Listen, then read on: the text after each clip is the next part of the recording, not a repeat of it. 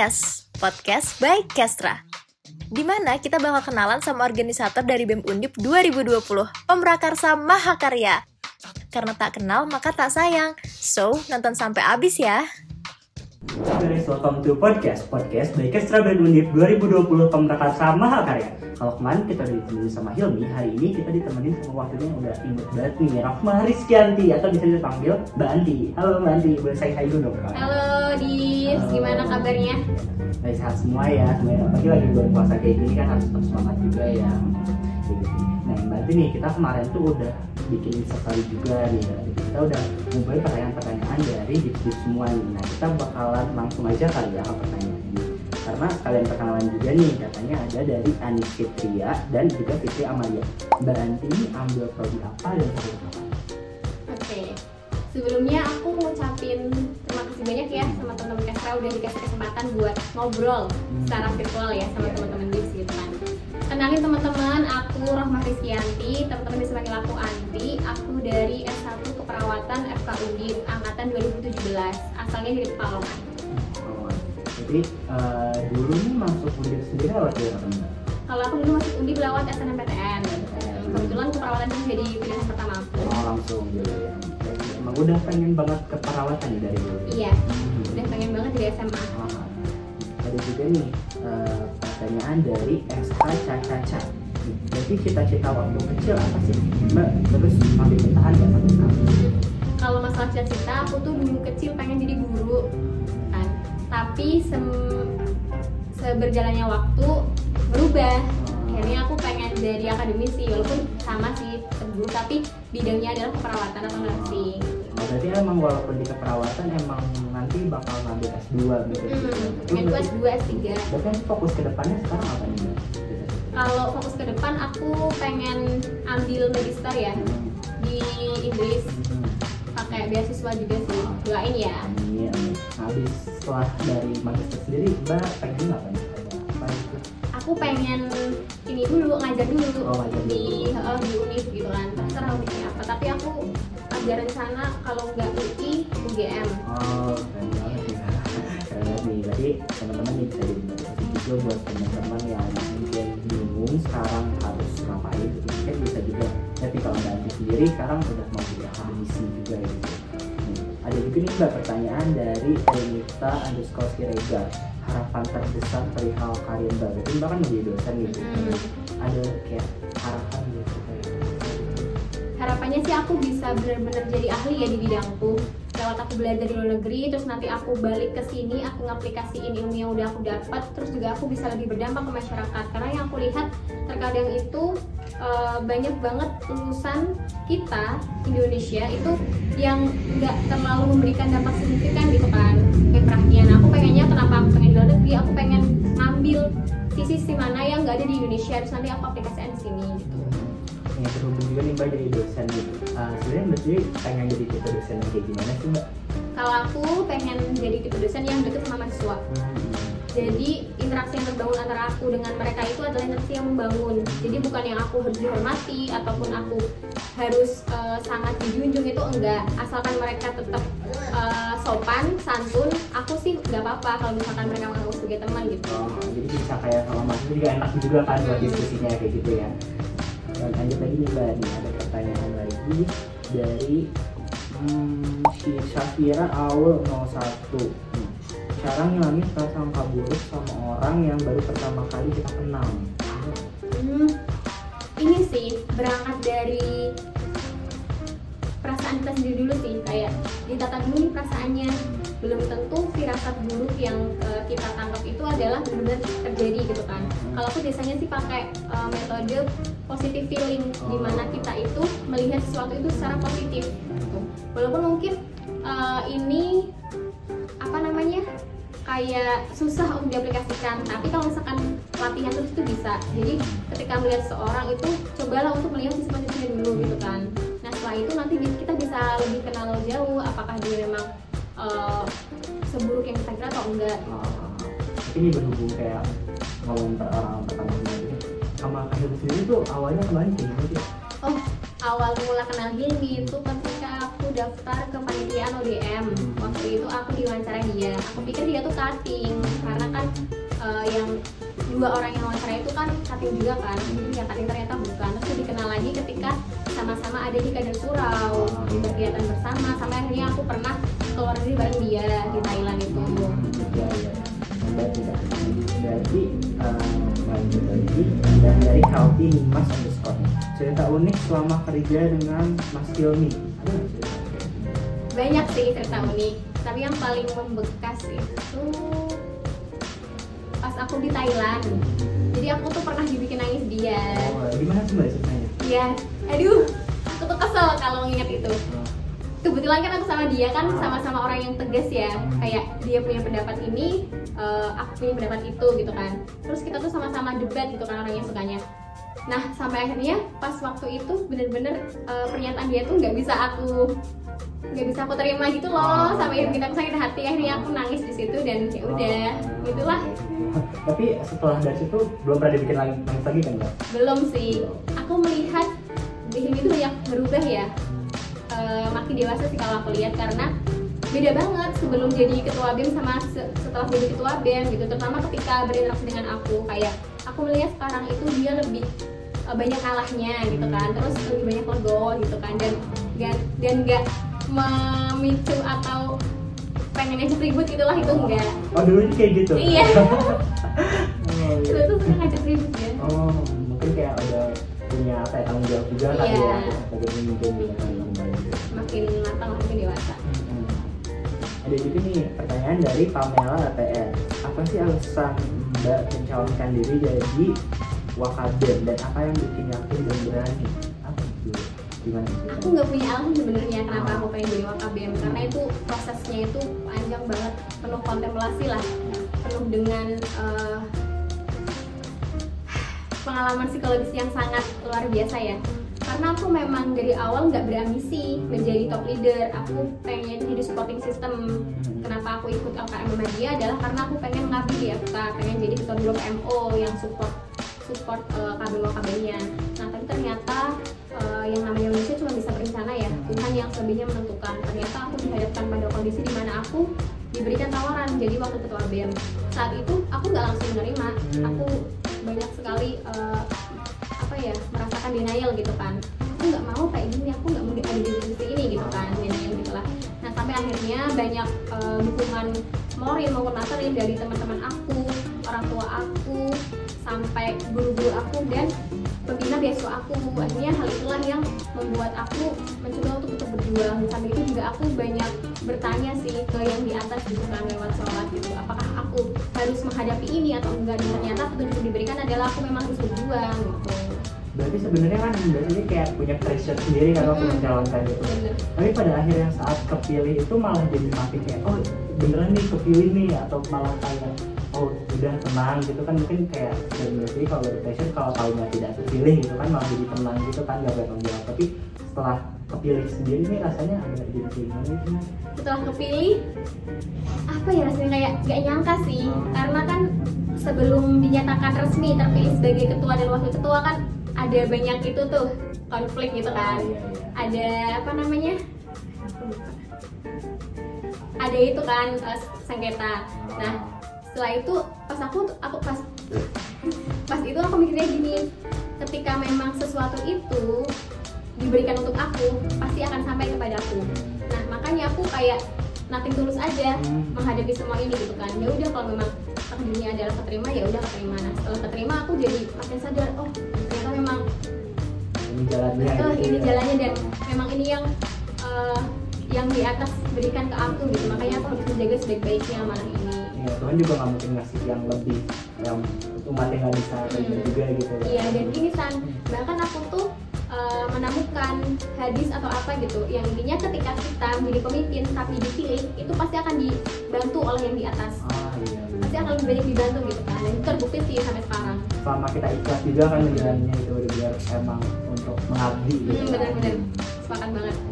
Nah, lanjut lagi nih mbak, ada Fauzan ZMN Motivasi mbak sebagai wakabem mungkin yang bikin sekarang tetap bisa maju gitu untuk menjalankan amanah ini gitu. Apa karena kalian. Kalian oh buat di semua nih nih karena kamu karena teman-teman di semua kan.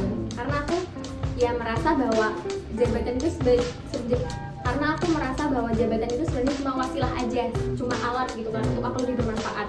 Kenapa aku tetap bertahan? Karena aku percaya kalian itu yang memilih aku dan aku harus mem- dan aku harus memberikan yang terbaik yang aku bisa untuk mem- untuk mempertanggungjawabkan apa yang telah kalian pilih yakni aku gitu sebagai ketua BEM Nah, lagi nih mbak. Eh, menurut eh, pertanyaan dari M. Fanu dia tiga juga nih. Umumnya tuh peran wakil jarang kelihatan. Gimana mbak? Ati menurut stigma itu? Gimana? Emang peran wakil nggak kelihatan sebenarnya atau ini masih aja nih yang kurang sering update nih Aduh, kalau menjawab itu eh, dikembalikan lagi ya kepada orang yang menilai. Yang tahu kelihatan enggaknya kan publik dan juga teman-teman di internal BEM sendiri. Ya sejauh ini sih aku tidak mempersalah sejauh ini sih aku tidak mempermasalahkan stigma itu ya. Dalam arti ketika memang aku bekerja sesuai arahan kerja strategis maupun indikator yang menjamin aku sebagai se- seorang wakil ketua ya sudah aku eh, tinggal jalanin aja gitu kan aku nggak nggak terlalu peduli banget sama pilihan orang lain gitu kan belum tentu apa yang mereka nilai itu memang sesuai gitu. kadang mereka hanya melihat, melihat dari luar tanpa dibalik apa yang telah kita lakukan gitu? Apalagi Mbak Ati sendiri kan eh, bagi dua kerja gitu kan sama kayak sendiri ini untuk eksternal dan Mbak pun internal. Makanya juga mungkin kurang dilihat sama publik sendiri karena emang kerjanya di internal juga gitu. Iya makanya yang bisa membuktikan ya teman-teman di internal. Tapi ya nggak berarti juga mengacilkan peran Mbak Ati ini sebagai wakil ketua gitu. Iya, intinya kan sama-sama dukung ya ketua dan wakil itu. Aku. Nih sebelum kita eh, istirahat dulu di segmen pertama nih pertanyaan dari banyak juga nih namanya Anissa Zarzat LYN Naura Fitria 21 Marshall MS dan Lima Limual tips manajemen waktu atau kesibukan antara akademik dan organisasi. Terus kegiatan di luar kampus terus istirahatnya juga Hmm. Hmm, kalau soal manajemen waktu aku sebenarnya punya banyak ya. Dari dulu dari maba sampai sekarang. Yang sekarang ini tetap aku pakai, aku itu mengusahakan selalu membuat eh, jurnal gitu, journaling oh iya iya iya di pagi hari kan. Hmm. Aku menuliskan perasaanku selama sehari kemarin, terus aku menuliskan to-do listku hari ini, juga daily rutin. Oh, iya, Nah, iya. itu sangat membantu banget sih uh, buat aku karena kan aku bisa melihat tuh kira-kira apa aja nih yang bisa aku kerjain hari ini dan uh, satu bulan ke depan aku Hmm. bikin monthly plan juga soalnya jadi tanggal-tanggal yang tidak penting udah aku tulisin dan aku selalu kontrol tiap harinya apakah sudah uh, progresnya itu sudah sesuai dengan target apa enggak gitu itu sangat membantu jadi nggak nggak keluar dari yang diterapkan juga gitu Hmm. ya Dan kayak satisfying feeling gak sih tiap kayak Iya. udah beres gitu Iya, kan di kalau udah checklist gitu. rasanya udah nyontain gitu tuh kayak ah, puas gitu Iya, kan oh ini ternyata udah pas kayak kalau lihat lagi ke belakang kayak oh pernah ngalamin ini Iya, gitu, itu, gitu, eh, itu kan. jadi memori juga kan buat Hmm. kita. Kayak kita merasanya kayak masih kurang kurang terus gitu tapi pada akhirnya pas kita lihat juga kan kayak ternyata udah mulai lalu nih buat teman-teman juga nih yang mungkin kayak lagi susah juga nih kayak merasa nggak produktif juga di kul- kuliahnya ini bisa coba nih morning rutinnya dari mbak Ani gitu. Bikin jurnal kayak gitu bikin list kayak gitu gitu setelah ini kita bakal pergi ke segmen kedua yang bakalan lagi dalam lagi pertanyaannya buat Ati sendiri. Dan juga kita pertanyaan dari semua ya Oke, see you in the next segment.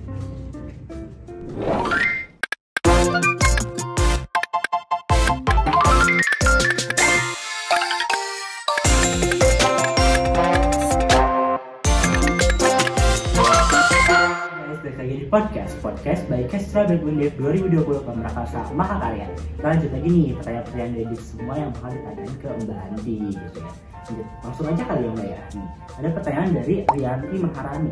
Cara pintar dan lancar ngomong. Gimana nih Mbak? Dan aku dengar juga nih dari Kak sendiri dulu kemarin di podcast kemarin nih Mbak Andi sebenarnya kayak pemalu gitu katanya dulu. Gimana nih Mbak? Iya, aku emang dari kecil tuh pemalu banget gitu kan.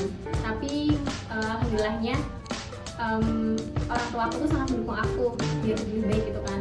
Aku sering ikut lomba dan sebagainya. Hingga akhirnya sampai sekarang ya seperti ini gitu. Kalau dari aku untuk tips public speaking itu yang pertama kenalin diri dulu sih. Kayak kelebihan kekurangan itu di mana gitu kan. Baru kita coba untuk uh, memoles kekurangan itu jadi kelebihan taruhlah misal ketika kita merasa kayak kurang pintar ngomong ya sudah kita coba untuk latihan terus pick up orang ketika dia pintar public speaking adalah ketika dia merasa yakin bahwa apa yang dia sampaikan itu benar nah kuncinya untuk itu adalah dengan banyak belajar membaca menulis itu sangat menunjang kita dalam public speaking Iya, rasa pedenya sendiri akan keluar dengan sendirinya kalau kita tahu apa yang kita omongin. kan? iya Oke, Mbak Andin. Ini ada juga pertanyaan dari P. Dia Dialga. Tips IPK di atas 3 Mbak. Oh, Mbak IPK-nya di atas 3 nih. alhamdulillah Boleh tahu nggak ya? eh, eh, Tiganya itu tiga koma berapa? 3,79 kalau nggak salah Wow, tiga koma tujuh keren banget. nih.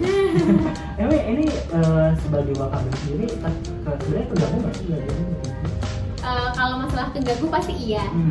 kalau aku kan orangnya sangat suka belajar Hmm. ketika jadi organisator aktif organisasi artinya memang waktu aku untuk belajar itu aku alokasikan untuk kegiatan yang lain gitu kan. Untuk menyiasati itu berarti aku harus banyak berkorban untuk mengurangi masa istirahatku gitu kan. Jadi memang tidurnya harus lebih dikit dan aku memang harus yaitu berjuang di belajar itu. Jadi kadang tuh aku sampai jam 2 itu belum tidur karena nugas belajar gitu. Jadi uh, kuncinya apa ya?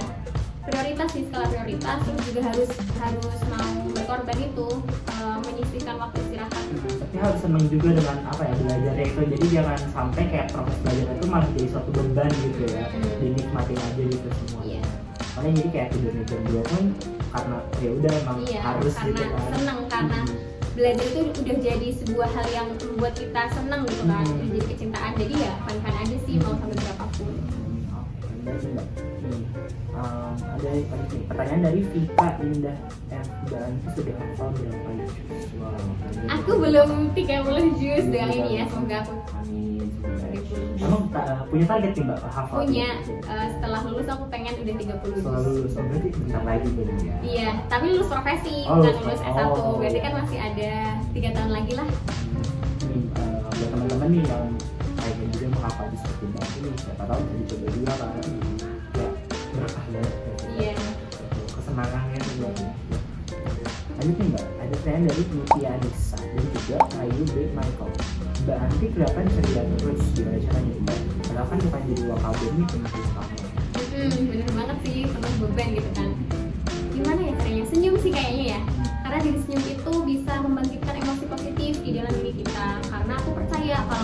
Itu adalah jendela emosi.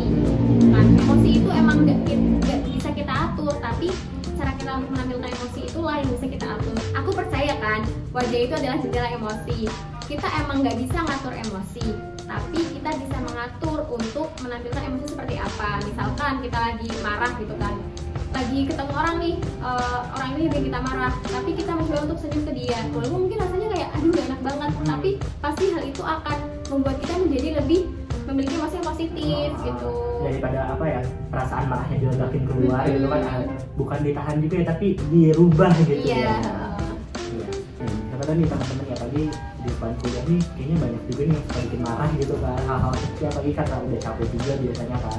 Ini bisa dicoba untuk sering senyum gitu. Apalagi senyum juga kan buat pahala juga Iya. ibadah juga gitu Ibadah termudah adalah senyum. Hmm, paling gampang gitu ya.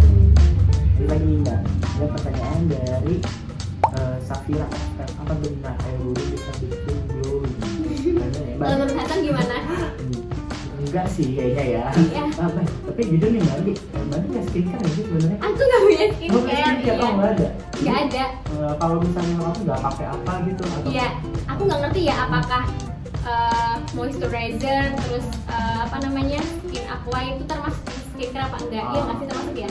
eh, apa sunscreen? Sunscreen gitu kan. termasuk ya Sunscreen terus moisturizer sama bedak magic powder gitu termasuk skincare ya berarti. ya masuk Aku itu sih aku pakai boleh sebut merek gak? Boleh, boleh sebut merek gak sih? boleh boleh Aku pakai Wardah Hmm, ada Wardah moisturizer itu kan yang SPF28 terus eh Pond's Magic Powder Ah, terus sama skin aqua yang sunscreennya. Oh, iya. udah sih itu doang. Itu doang tapi berarti berarti nih kulitnya tuh diberkahi gitu tetap Iya. ini nggak nggak ada masalah. Kayaknya anugerah dari yang di atas deh. Hmm, hmm, nih tapi harus sering cuci muka juga kan iya benar nah itu skin eh, aduh. Nah itu kalau cuci muka aku pakai Wardah juga. Ah, mungkin ini maksud dari Safira sendiri.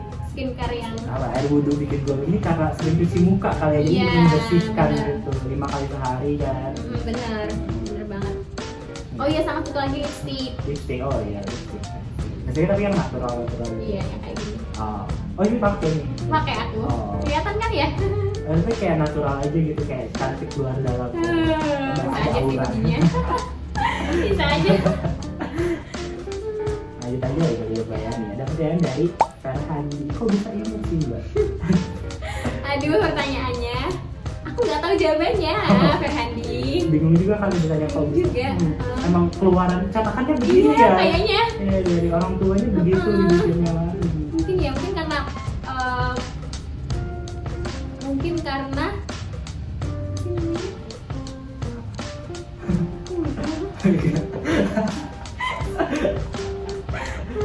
mungkin karena ukuran tubuh kecil juga ya oh jadi kan iya. kelihatan imut gitu kan Eh, mungkin karena senyum juga kali ya. Juga kalau wajahnya kayak pengen marah dulu kan kayak ih jadinya jutek gitu. Iya. Mungkin imut gara-gara sering senyum nih teman-teman. Buat- coba coba kamu saya senyum Ya beda lah ya lah, emang mukanya begini kan nggak bisa disamain ya. iya Lanjut lagi nih mbak, Oke, ada pertanyaan dari Mas underscore Hakim. Mm-mm. Manajemen pemasukan dan pengeluaran keuangannya mbak gimana sih mbak? Atau juga nih aku juga tahu nih, Iya. kita pasti nggak lanjut nih kan kayak banyak yang kayak oh udah mau akhir bulan uangnya habis nih terus kayak di awal-awal kayak makan ini itu ini itu kemudian Hmm. kayak malah gak bisa makan gitu. Biasanya kayak tips-tips mbak. iya ya benar pasti kan tanggal muda itu adalah tanggal yang paling dinantikan kan Hmm. karena uangnya masih banyak kalau aku tipsnya sih aku bikin financial plan Hmm. jadi aku eh, tulis itu pemasukan pengeluaran terus aku alokasi juga buat ngasih ke orang gitu kan nabung dan sebagainya aku bikin itu kalau aku kan pemasukannya itu dari beasiswa. Beasiswa dua kan didistribusi sama kajian sural atau grade scholarship di BMBRI. Nah kalau untuk operasional aku pakai yang grade scholarship itu 900 ribu per bulan. Nah kalau yang untuk ngirim-ngirim ke orang tua atau ada kebutuhan mendesak misalkan di rumah perlu ada apa gitu kan bikin apa atau HP-nya rusak di keluarga gitu kan aku kirim yang pakai bidik misi karena emang saldonya lebih banyak Oh, gitu. iya, iya. untuk sehari-hari pakai itu. Terus aku selalu ngalokasiin buat ngasih ke orang Hmm. kan berapa ratus, ratus ribu gitu sama nabung juga kemudian aku juga nabung emas gitu di Ah. pegadaian jadi aku aku alokasiin itu buat uh, nabung itu nah aku juga dulu itu sebelum jadi wakabem pernah ngasih dos Oh, masuk. ya kerja gitu lah dapat Iya, gaji lumayan gitu kan, kan ya. nah itulah yang bikin lumayan gitu kan juga nabung. sih ya lumayan kalau jadi asisten. Nih, tapi nih lanjut. Ini masih terkait nih sih mbak sebenarnya nih. Ada PR underscore no menabung buat mahasiswa. Mbak juga tadi udah bilang kan kayak sering ada di tabungan gitu. Itu emang ada kayak rasionya gitu dari pemasukan atau gimana sih, mbak? oh kalau aku modelnya bukan pakai rasio Hmm. walaupun aku udah punya ini ya pemasukan tetap ya dari beasiswa itu tapi aku pakainya adalah target Oh, target. aku aku mem- aku merumuskan tujuan aku menabung itu untuk apa tujuan aku menabung di kuliah ini kan untuk umrohnya orang tua Ah. nah target tuh setelah aku lulus profesi uh, umroh itu butuh duit berapa gitu kan. Nah aku itu rentang waktunya dari dari ketika aku mulai nabung sampai aku lulus profesi itu berapa bulan. Nah jadi aku tentukan per bulannya itu mau spend berapa buat nabung biar targetku untuk umroh itu bisa tercapai. Gitu sih modelku. Jadi bukan uh, berapa persen dari pemasukan itu enggak Ah, karena udah punya target juga gitu ya. Hmm. Jadi mungkin kayak lebih jadi motivasi buat nabung juga nggak sih? Kayak punya benar. jelas juga gitu. Oh, aku Iya. nabung tuh buat ini gitu kan. iya Mungkin kalau yang cuma nabung doang terus nggak ada cuma kayak ya udah sekedar nabung kadang uangnya suka kepake lagi. iya benar kan kegoda kan buat Hmm. ngambil gitu Iya, kan oh uangnya ada nggak apa-apa. gitu. Iya. Tapi kan kayak depan juga dapat lagi. gitu. bener Eh, kalau- makanya bisa nabung itu harus tujuan juga. Iya, Apa pun sih sebenarnya walaupun akhirnya misalnya eh, kalau berarti kan hebat banget nih mau ngomongin buat teman-teman mungkin kayak misal gitu ya beli tas atau apa tapi gitu pada akhirnya. Nggak dibeli gitu kan ya barang-barangnya. Kan sebenarnya uangnya ada gitu. Ini lanjut lagi nih ada ada dari Vina Angel. Cara nambah followers Instagram. Eh, ya. Cara followers. Beli followers bisa. bisa. Terus eh, apa ya san? Jadi wakabem kali ya? WKB, Jadi ya, wakabem networkingnya luas gitu, jadi kenal banyak orang juga gitu kan. aku nggak ngerti san ngasih Hmm. tips gimana ya? Nambah followers itu kalau misalkan pengen jalannya bener ya itu jadi orang yang berpengaruh ketika teman-teman uh, bisa menghasilkan karya dan karya itu berdampak bagi teman-teman semuanya atau masyarakat luas pasti teman-teman akan banyak diikuti dan dipanuti gitu kan. Makanya nanti followersnya bisa nambah. Tapi kalau mau cari yang instan ya itu beli followers gitu.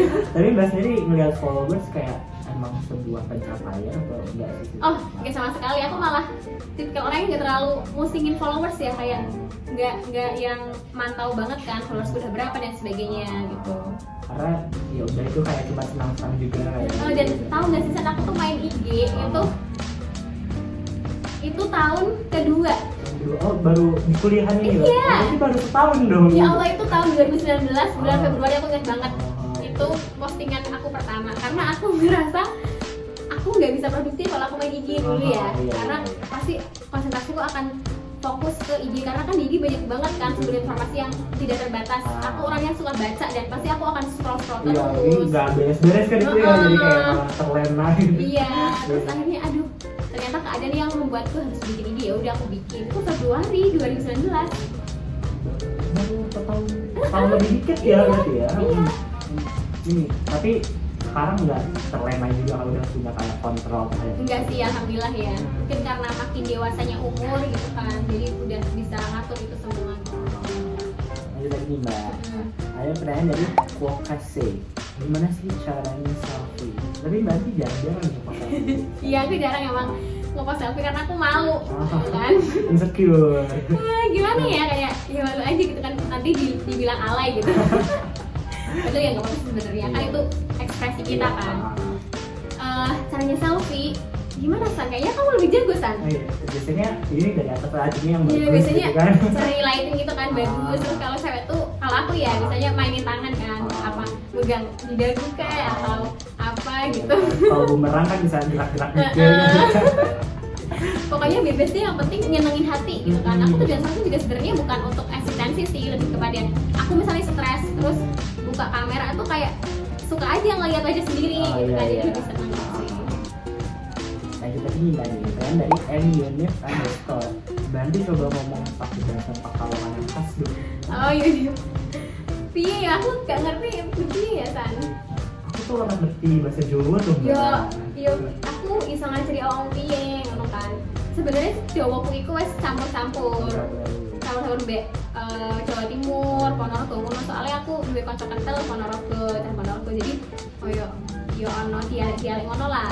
Tapi nah misalkan Pekalongan iku biasanya ono ciri khasnya sih koyo koyo eh, apa ya? Aduh aku pada dilali mas. Ini Semarang ini Semarang kan ii kan. Iya, iya. orang ii orang ii ngono.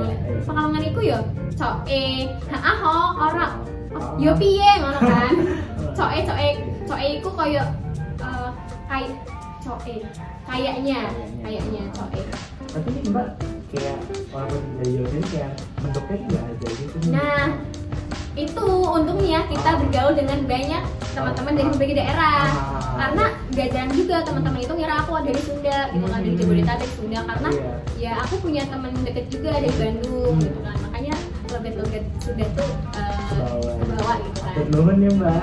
Ah, sami-sami sampurasun gitu kan Sampes. Sampes. bisa banget makanya ini emang harus kayak di sini juga bermacam-macam gitu kan misalnya apalagi di kuliahan ini kan emang Iya. tempatnya ketemu orang banyak gitu kan iya kenal juga kan iya benar jadi tadi nih mbak nih um, terakhir kan mbak nih uh, kalau marahin orang yang salah lah kalau secara profesional gitu mbak secara di uh, kepada BEM sendiri gitu atau kepada kakak apa itu kayak mbak tuh pernah nggak sih kayak oh kamu tuh kayak gini gini gini gini gini gitu Oh kalau untuk itu aku nggak berani secara kayak gitu ya. Hmm. Aku lebih eh, kepada kayak menanyakan Hmm. kenapa bisa sampai kayak gini gitu kan. Apa apa kendalanya, apa masalahnya. Aku bisa marah yang kamu gini sih? Harusnya kan gini dong. Itu ketika itu ketika eh, orang itu udah kenal sama aku atau ketika aku udah eh, udah paham lah dia kayak gimana atau personality maupun kepribadiannya kayak gimana. Tapi kalau misalkan untuk profesional hubungan lembaga gitu kan ke anak-anak BEM uh, maupun ke yang lain aku lebih kepada mengerti dulu sih kondisinya karena kan kadang kita itu nggak bisa menilai masalah apa yang lagi dialami orang lain makanya kan adanya konfirmasi validasi itu penting biar kita lebih tahu dalam kan. Bisa aja dia melakukan sesuatu seperti itu karena uh, nggak seperti yang kita kira. Hmm. makanya aku nggak berani buat langsung marah gitu kan. Kecuali kecuali kalau hal itu sampai yang membuat merugikan orang lain atau mengganggu orang lain baru aku bisa kayak "Eh, minta tolong ya diiniin. Aku lebih kode minta tolong ya diiniin. Eh, kalau ini udah belum jadi metode aku itu adalah menanyakan dan mengucapkan tolong gitu kan. Dan aku percaya sih setiap eh, anggota itu pasti akan memberikan ekspektasi yang lebih kepada pemimpinnya gitu kan. Dan aku itu belajar aku harus mem- memposisikan anggotaku atau teman-teman itu jadi angka 10 jadi mereka itu punya versi terbaik dari, dari diri mereka sendiri gitu kan. Nah tujuan aku jadi top leader adalah untuk memaksimalkan mereka finansi mereka dan sebagainya. Taruhlah misal kamu aku melihat kamu kan punya kemampuan bagi speaking dan sebagainya gitu kan. Gitu kan kamu udah tahu kan? Nah berarti aku sebisa mungkin harus memberikan kamu chance atau kesempatan buat kamu membangun diri kamu di situ gitu. Nah makanya emang eh, internalisasi visi misi ataupun pengenalan secara personal satu orang dengan orang lain itu penting banget gitu. Bandi juga sebagai ketua ketua kan di internal juga malah melihatnya kayak apa ya memunculkan potensi-potensi yang ada di anggota-anggotanya semua gitu kan jadi ah, eh, istilahnya kayak orang-orang ini ikut di BEM sendiri itu nggak cuma sekedar ikut doang gitu kan tapi Iya. keluar dari sini tuh punya sesuatu yang mereka bawa gitu Iya kan. benar. Tujuan mereka masuk BEM atau organisasi itu pasti ada, gitu kan? Pasti mereka ingin mendapatkan apa gitu kan? Nah, tugas aku di situ adalah aku memberikan apa yang mereka inginkan gitu. Makanya kan harus banget nih aku mengerti masing-masing dari mereka gitu. Terakhir tadi tinggal mbak punya kayak apa sih suatu quotes mungkin atau kata-kata juga teman-teman rumah Oh, aku ini sih lebih kepada pengen ngucapin semangat aja buat teman-teman semua. Karena kan memang kondisi kita saat ini adalah kondisi yang tidak pernah kita prediksi sebelumnya ya dan tidak pernah kita harapkan sebelumnya. Tapi kondisi ini juga menjadi sebuah tantangan maupun kesempatan buat kita. Apakah setelah corona ini ber- berakhir Nah, kita jadi orang yang berbeda dari sebelum ini apa enggak gitu makanya memiliki kegiatan yang produktif maupun berkegiatan di masa-masa ini adalah hal yang sangat penting jangan sampai kita cuma jadi kaum yang rebahan tanpa memberikan perubahan gitu Iya, kan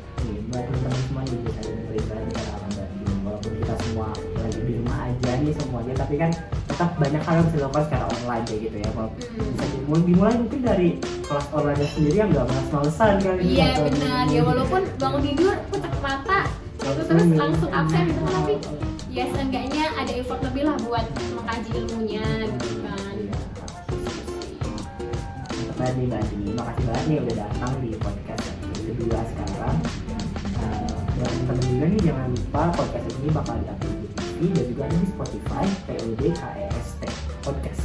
Teman-teman semua jangan lupa jaga kesehatan, tetap stay di rumah, semangat juga buat puasanya bagi yang menjalankan dan stay healthy semuanya. Kita ketemu lagi di podcast selanjutnya. Bye bye. Terima kasih buat Mbak Anti udah sharing di sini di podcast. Semoga semua yang telah direncanakan Mbak Anti dapat berjalan dengan lancar dan membawa Mbak Anti menuju kesuksesan. Terima kasih juga buat semua yang udah nonton sampai selesai. Tetap jaga kesehatan dan semangat untuk yang menjalankan ibadah puasa. Sampai jumpa di podcast selanjutnya. Bye bye.